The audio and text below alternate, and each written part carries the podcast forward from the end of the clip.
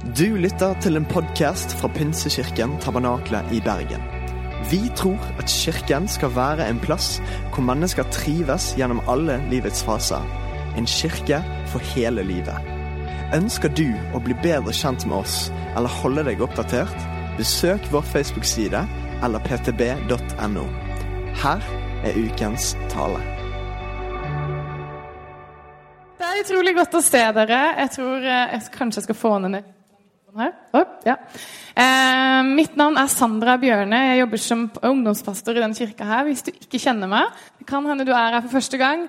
Eh, og så får jeg lov til å være med og, på disse gudstjenestene her og være med i helheten av kirka. For vi tror at ungdomsarbeid ikke er en greie vi gjør eh, på fredagene alene, men ungdomsarbeid er et utadretta arbeid for å nå ungdommer, sånn at vi kan få være med å bygge kirka på søndag. Søndag er kirkedag, fredag arbeid.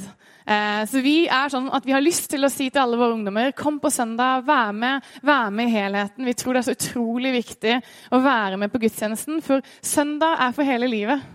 Og det er noe fint i det. At uansett hvilken alder du er i, hvilken, uansett hvilken livssituasjon du er i, så er søndag et sted du kan få lov å komme, få lov til å være akkurat sånn som du er.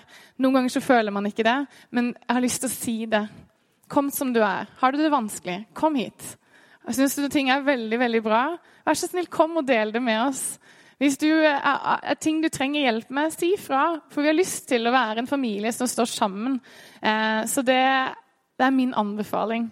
Hjelp oss å være familie. I min familie er det sånn at jeg må si noen ganger ifra at 'nå trenger jeg dette'. Eh, eller 'kan du be for dette'? Og det er noe fint i å kunne hjelpe hverandre og være familie. Er dere med på det? Ja. Kirke, altså. Det vakreste på jord, og noen ganger litt komplisert. Jeg skal bare prøve å få den her til å stå litt stabilt, eller så kommer jeg til å drive og vingle litt. Det kan jo bli gøy. Ja. Er dere klar for å høre en tale? Ja.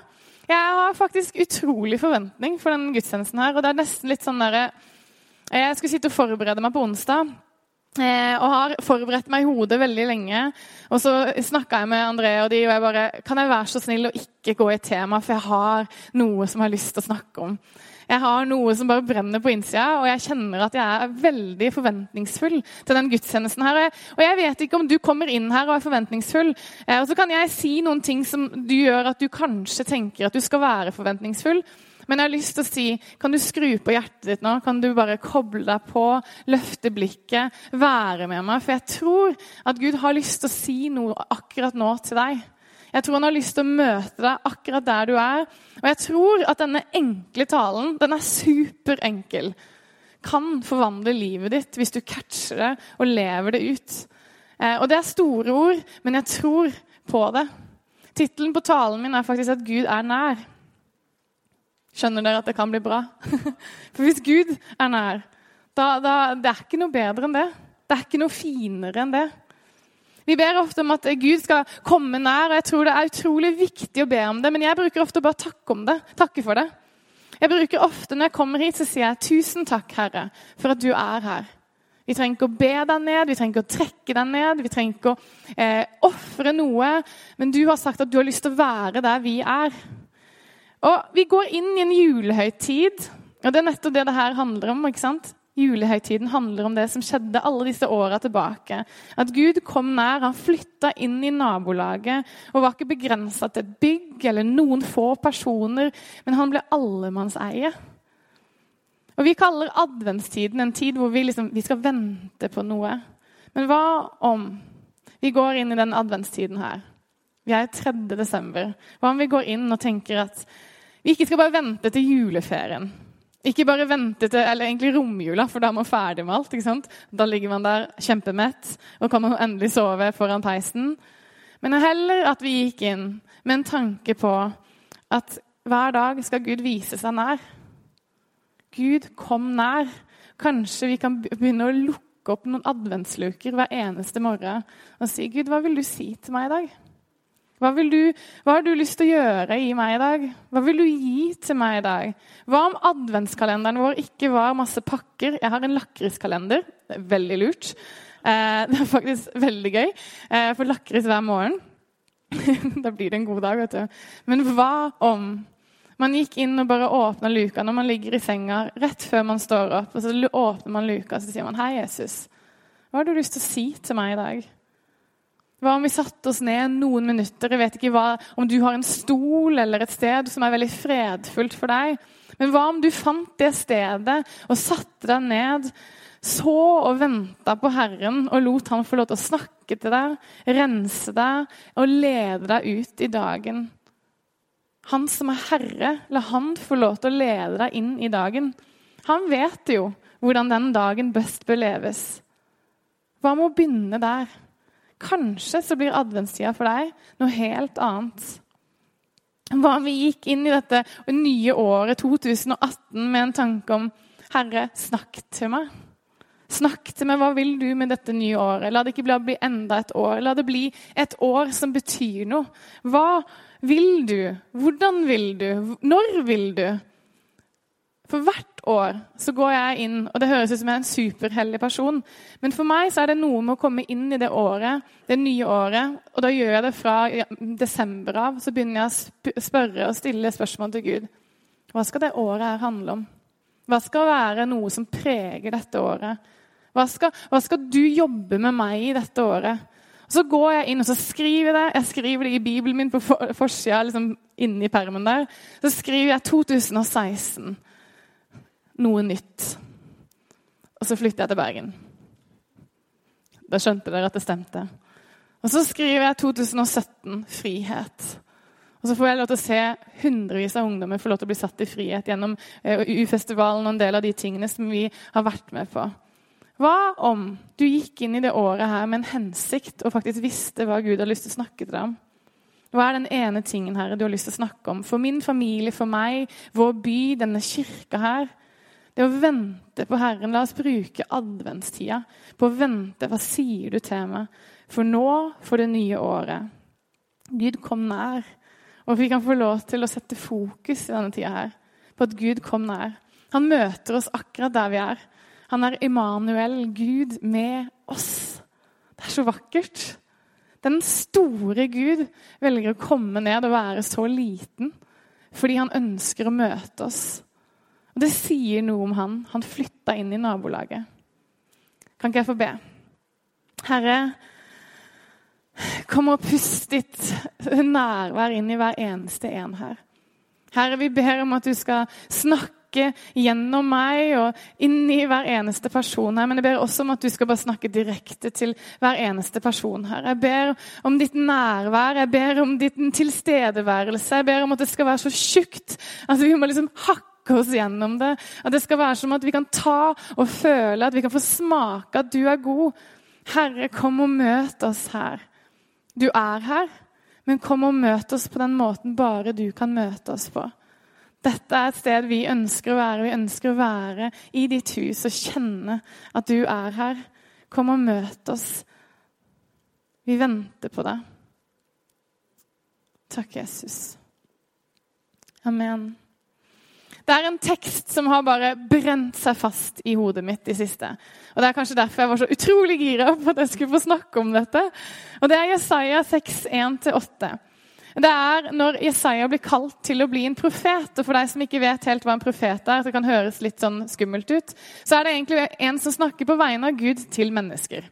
Enten så skriver han, eller så snakker han. Eh, og det er eh, egentlig det det er. så ikke noe mer komplisert enn det. Men disse profetene har gjort ganske store ting, så det er spennende å lese om dem. Men nå skal vi lese når Jesaja blir kalt. og Det er i 6.1-8, så skal begynne jeg å lese, så kan du få det på skjerm her. I det året da kong Ussia døde, så jeg Herren sitte på en høy og opphøyd trone, og kanten på kappen hans fylte tempelet. Serafer sto overfor ham. Hver av dem hadde seks vinger. Med to dekket i ansiktet, med to dekket i føttene, og med to fløy de. Og de ropte til hverandre, Hellig, hellig, hellig er Herren Sebaot. Hele jorden er full av Hans herlighet. Røsten som ropte, fikk boltene i dørterskelen til å riste, og huset ble fylt av røyk. Da sa jeg, Ved meg, det er ute med meg, for jeg er en mann med urene lepper og bor i et folk med urene lepper. Mine øyne har sett kongen, Herren over hærskarene. Da fløy en av serafene bort til meg, og i hånden hadde han en glo som hadde tatt, han hadde tatt med en tang fra alteret. Med den rørte han ved munnen min og sa, Se, denne har rørt ved leppene dine. Din skyld er tatt bort, og din synd er sonet. Da hørte jeg Herrens røst. Han sa, Hvem skal jeg sende, og hvem vil gå for oss? Jeg sa, Jeg. Send meg. Du ser så utrolig godt Guds hjerte for sitt folk. Det er bare så utrolig tydelig at Gud bare leiter etter oss og snakker til oss. Så det første punktet Jeg har tre punkter, tre ting som stikker ut når jeg leser dette. Det er at Gud snakker, at Gud renser, og Gud leder. Og Det første er at Gud snakker til oss. Jesaja han så en drøm eller et syn eller noe, og da ser han Herren i tempelet. Og det, Noen mener at dette er egentlig bare det, et symbol på det himmelske tempelet, det som vi en dag skal få lov til å se. Og Folket de hadde latterliggjort Gud der, på hans tid, og Jesaja hadde blitt spurt om å holde de ansvarlig for sine feil. Og så ser han Gud. Og Guds nærvær fyller rommet. Det står faktisk at kanten på kappen fyller rommet.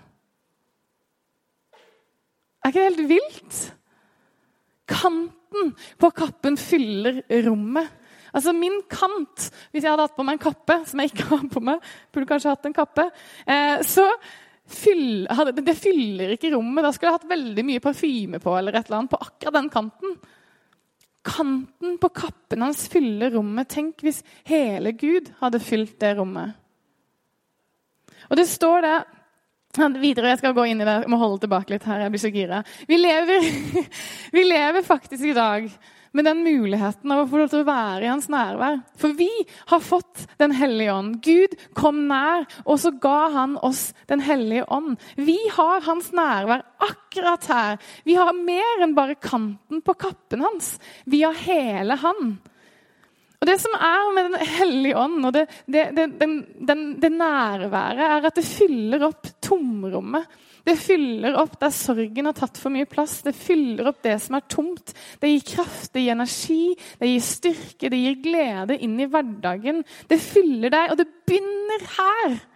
Det begynner når jeg står og ser på Herren på morgenen. Når jeg får lov til å se Han og får lov til å kjenne at kanten på kappen fyller rommet mitt. Jeg får kjenne at det begynner med Gud. Kjenne, føle, ta på hans nærvær. Vi leser videre at serafene roper 'Hellig, hellig, hellig er Herren Sebaot'. Hele jorden er full av Hans herlighet. Og De sier det tre ganger, som representerer Guds uendelige hellighet. Det er så tydelig at Gud er hellig. Guds hellighet og stemme fyller opp rommet sånn at boltene på dørene begynner å riste. Kan du se for deg at dørhåndtakene begynner å riste fordi Guds nærhet er så til stede? Fordi kanten på kappen er til stede. Er, er, at kanten på kappen fyller rommet med hans tilstedeværelse. Dørene begynner å riste, vinduene begynner å riste. Det er et eller annet som skjer når hans nærhet er til stede. Og vi hører ekko fra Sinai-fjellet, hvor røsten virkelig gjorde noe. Guds røst er kraftfull. Den har kraft til å forandre alt. Og når vi hører hans stemme, så kanskje Eller ikke kanskje. Så kan hans kraft riste av oss noen ting som trengs å ristes av. Kanskje er det noen ting som ikke skal være der. Og så skaper han noe nytt i hans nærvær så gjør han noe. Han skaper noe i oss. Jeg så Herren. Gud snakker. Det andre er at Gud renser. Det er på en måte et eller annet med at man, Når man kommer i nærheten av Gud, så får man nesten behov for å gjøre opp litt. Men det er faktisk sånn at Gud gjør det. Og det synes jeg er så fantastisk i den teksten. her, fordi det som skjer, er at Jesaja han automatisk blir sånn Jeg har for mye Jeg, jeg kommer til kort. Jeg kommer til kort, og så roper han ut til Gud. Og så er det noe med at, at lyset ikke alltid er så komfortabelt. Hvis du har vært i mørket, og så kommer det lyset, eller har sovet og våkna igjen, så slår på lyset veldig hardt, så er det litt vondt. Men det er noe med at når lyset får sluke mørket, så blir det veldig godt. Det tar over. Det skjer noe i lyset. C.S. Lewis sier i hans lys så ser jeg lys. Og jeg tror at det er noe med at vi får lov til å være i hans nærhet, som gjør at det, det gjør noe med oss. Og det var sånn på den tiden at Presten var eh, den eneste som fikk gå inn i det aller helligste en gang i året og kunne potensielt dø i Guds nærhet, for det var så sterkt. Han var så hellig. Og Gud responderer på Jesajas sorg over sitt eget liv. For Jesaja ser at 'jeg kommer til kort'. Og så kommer han og tar vekk det som er urent. Han tar kull fra det aller helligste som er brukt for å bøte for synden, de tingene som de, han hadde gjort feil. Og så rører han med tungen hans. Og Gud kaller og instandsetter Jesaja til å være en som snakker på hans vegne til sitt folk. Det er nettopp det som skjer. Plutselig så blir Jesaja frimodig, og så står det det i, i Hebreerne 4, 16. La oss derfor frimodig tre fram for nådens trone, så vi kan finne barmhjertighet og finne nåde som gir hjelp i rett tid. Vi kan faktisk gå frimodig fram foran Guds trone. Så forvandler han oss og gjenoppretter oss og setter oss på riktig kurs. Noen øyeblikk med han kan bare forandre alt. Alt kan skje. Han kaller oss faktisk til å være hans munnstykke. Det er et gammelt ord. Den som snakker på vegne av Gud til mennesker. Og deler han til andre. Og Mange ganger kan vi holde tilbake, for vi tenker jeg er ikke god nok. Jeg har gjort så mye dumt. Jesaja sier selv. 'Hvordan kan jeg gjøre dette?' Og så er det sånn at Gud gjør det han vil. Det er fint å vite. Han bruker de han vil til det han vil, når han vil. Til og med de du ikke trodde, eller de du aldri ville valgt å bruke eller stole på, de velger Gud å bruke. Han brukte Moses, som hadde drept en mann. Han, brukt, han brukte David, som hadde vært utro, drepte mannen, og, og så tok hun eh, dama. Eh, han brukte Paulus, som forfulgte kristne. Og jeg kunne, gått, jeg kunne lista opp mennesker som Gud velger å bruke sterkt. Han bryr seg ikke om det. Han gjør det han vil. Din fortid diskvalifiserer deg ikke. Men det som skjer i Guds nærvær, det er det som kvalifiserer deg til å bli brukt av Gud. Hørte du meg? Din fortid diskvalifiserer deg ikke. Men det er det som skjer i Guds nærvær når han kommer og tar kull og rører ved tunga di og renser deg, som gjør at du blir kvalifisert til å gjøre det du skal gjøre. I hans nærhet settes du fri, og du settes i gang. Og Guds nærvær er så sterkt at det kan brenne vekk all synd. Alle ting. Så sterkt at huset rister. Han skaper noe vakkert i og gjennom deg. C.S. Lewis har et kort som jeg har bare stoppa på denne uka her fra uh, Mere Christianity, som er en bok eh, Jeg vet ikke hva den heter på norsk, beklager. Men jeg har oversatt det til deg, så følg med nå. Se for deg at du er et levende hus. Gud kommer for å gjenoppbygge huset. Helt først, kanskje, så skjønner du hva han gjør. Han fikser takrennene, stopper lekkasjene på taket osv. Du visste at disse jobbene trengtes å gjøres, så du var ikke akkurat overraska. Men plutselig begynner han å slå ned vegger. Såpass mange at det begynner å gjøre vondt, og det slutter å gi mening. Hva holder han egentlig på med? Forklaringen er at han bygger et ganske annerledes hus fra det du tenkte. Han bygger opp en ekstra fløy her og legger et nytt gulv der. Kjører opp noen tårn, lager noen gårdsrom. Du trodde du skulle bli gjort om til en fin, liten hytte, men han bygger et palass. og han har tenkt å komme og bo i det selv. Er ikke det vakkert?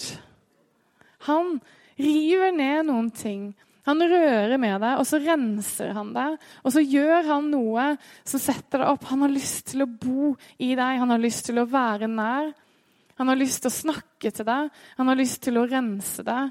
Og sist så har han faktisk lyst til å lede oss, den responsen til å handle. Det er en automatisk respons i Jesaja når Gud som en gentleman sier 'Hvem skal jeg sende? Hvem vil gå for meg?' For oss, treenigheten. Hvem vil gå for oss? Og så sier Jesaja 'Jeg går. Du kan sende meg.' Og det er noe utrolig fint med at Gud sier 'Vil du gå?' Og så lar han oss få velge om vi vil gå eller ikke. Han er en gentleman på den måten. Men vi vet, alle som har gått med han en stund, at det er det beste som kan skje med oss. Det er å følge han der han leder oss. For han vet den beste veien. Han vet hvor han skal henne, og vi kan få følge han. Det er en, en, som heter Charles Wesley, som sa det her at mine lenker falt av, hjertet var fri, jeg reiste meg, gikk frem og fulgte han. Mine lenker falt av, Hjertet mitt ble fri. Og Jeg reiste meg og gikk frem og fulgte etter han. Og jeg tror at når du har vært i Guds nærvær, og som man ser gjennom hele Bibelen, så får man et behov for å dele med noen andre. Det er sånn at Hvis du har møtt en fantastisk person eller opplevd et eller annet, så er det noe i deg, hvis ikke du er helt annerledes enn meg, du får lyst til å bare 'Hallo, jeg, jeg har det her! Det var så gøy!' Jeg kan, liksom, jeg kan, komme på scenen på en fredag og bare fortelle om alle mulige ting, for jeg syns det er så gøy. Det som skjer på skolene, det som skjer her og der. Fordi når du har opplevd noe som er fantastisk, så vil du dele det. Du ser det gjennom Bibelen, kvinnen med brønnen. Løper bort. Jeg har møtt han som har fortalt meg alt. Du har behov for å fortelle om Guds kjærlighet som forvandler deg, som bare setter deg i gang, og som kjenner deg. Det er noe med det.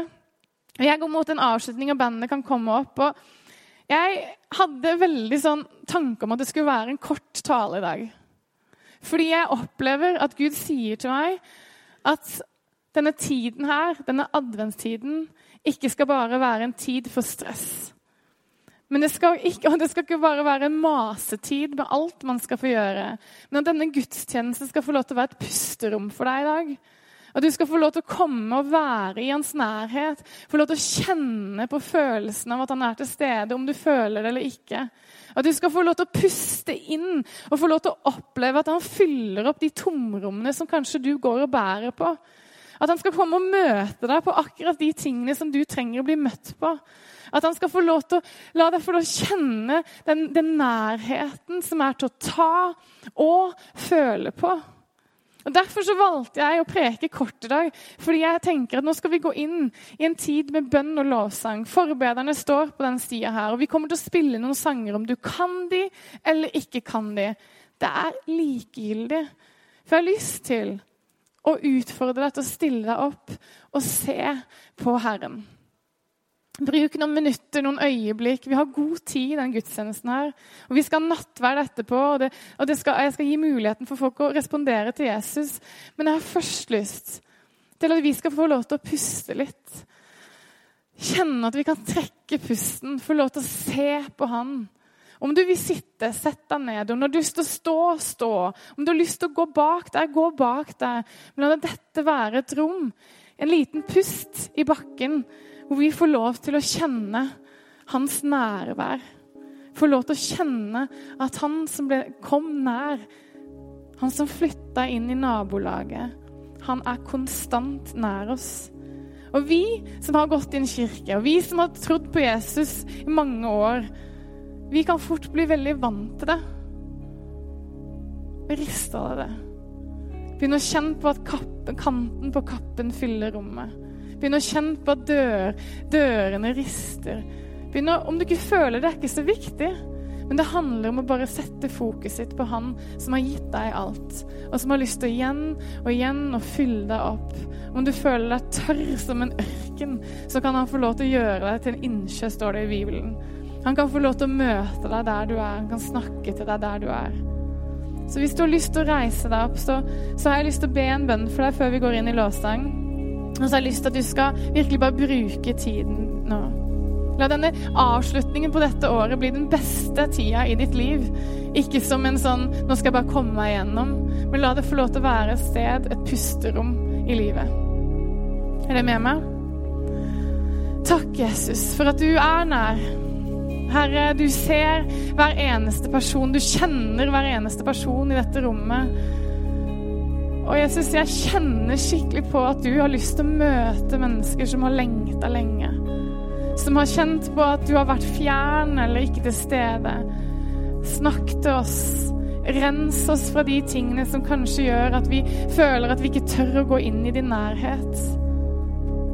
Og send oss ut, sånn at vi kan få bety en forskjell i den tida her.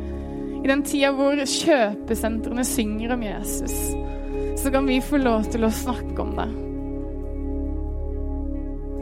Jeg vet ikke om dette stemmer, men jeg tror at det er noen her som, som i, i, møte med et sånt rom som det her, blir veldig konfrontert med noen ting. Og bare så du vet det, så har vi konstant en greie med å få lov til å kunne komme til hans trone og bare legge ned noen ting. Men jeg tror noen her kjenner på noen ting som banker, som handler faktisk om at du har gjort noen ting eller sagt noen ting som du bærer på, som du syns er faktisk veldig tungt. Og det gjør at du sier 'Men jeg er ikke god nok'. Men så er det noe med at Gud har lyst til å komme og røre ved tunga di. Han har lyst til å tilgi synden din. Han har lyst til å tilgi de tingene som du har gjort dumt. Og så sier han 'Jeg har lyst til å bruke deg'. Og dette er et rom for det. Det er rom for hele familien. I min familie så er det sånn at jeg kan ha kjefta, og så kommer jeg og ber om unnskyldning etterpå. Eller jeg kan ha sagt noe dumt, og så er det rom for meg uansett. I denne familien er det rom for det. Så kan ikke du, hvis du har, har lyst til å stå der du står, eller gå til forbønn, uansett hva det handler om, for forbønn handler ikke bare om det, det kan være hva som helst. Men ta muligheten nå til å virkelig la deg selv lede inn i den tida her, i den ventetida.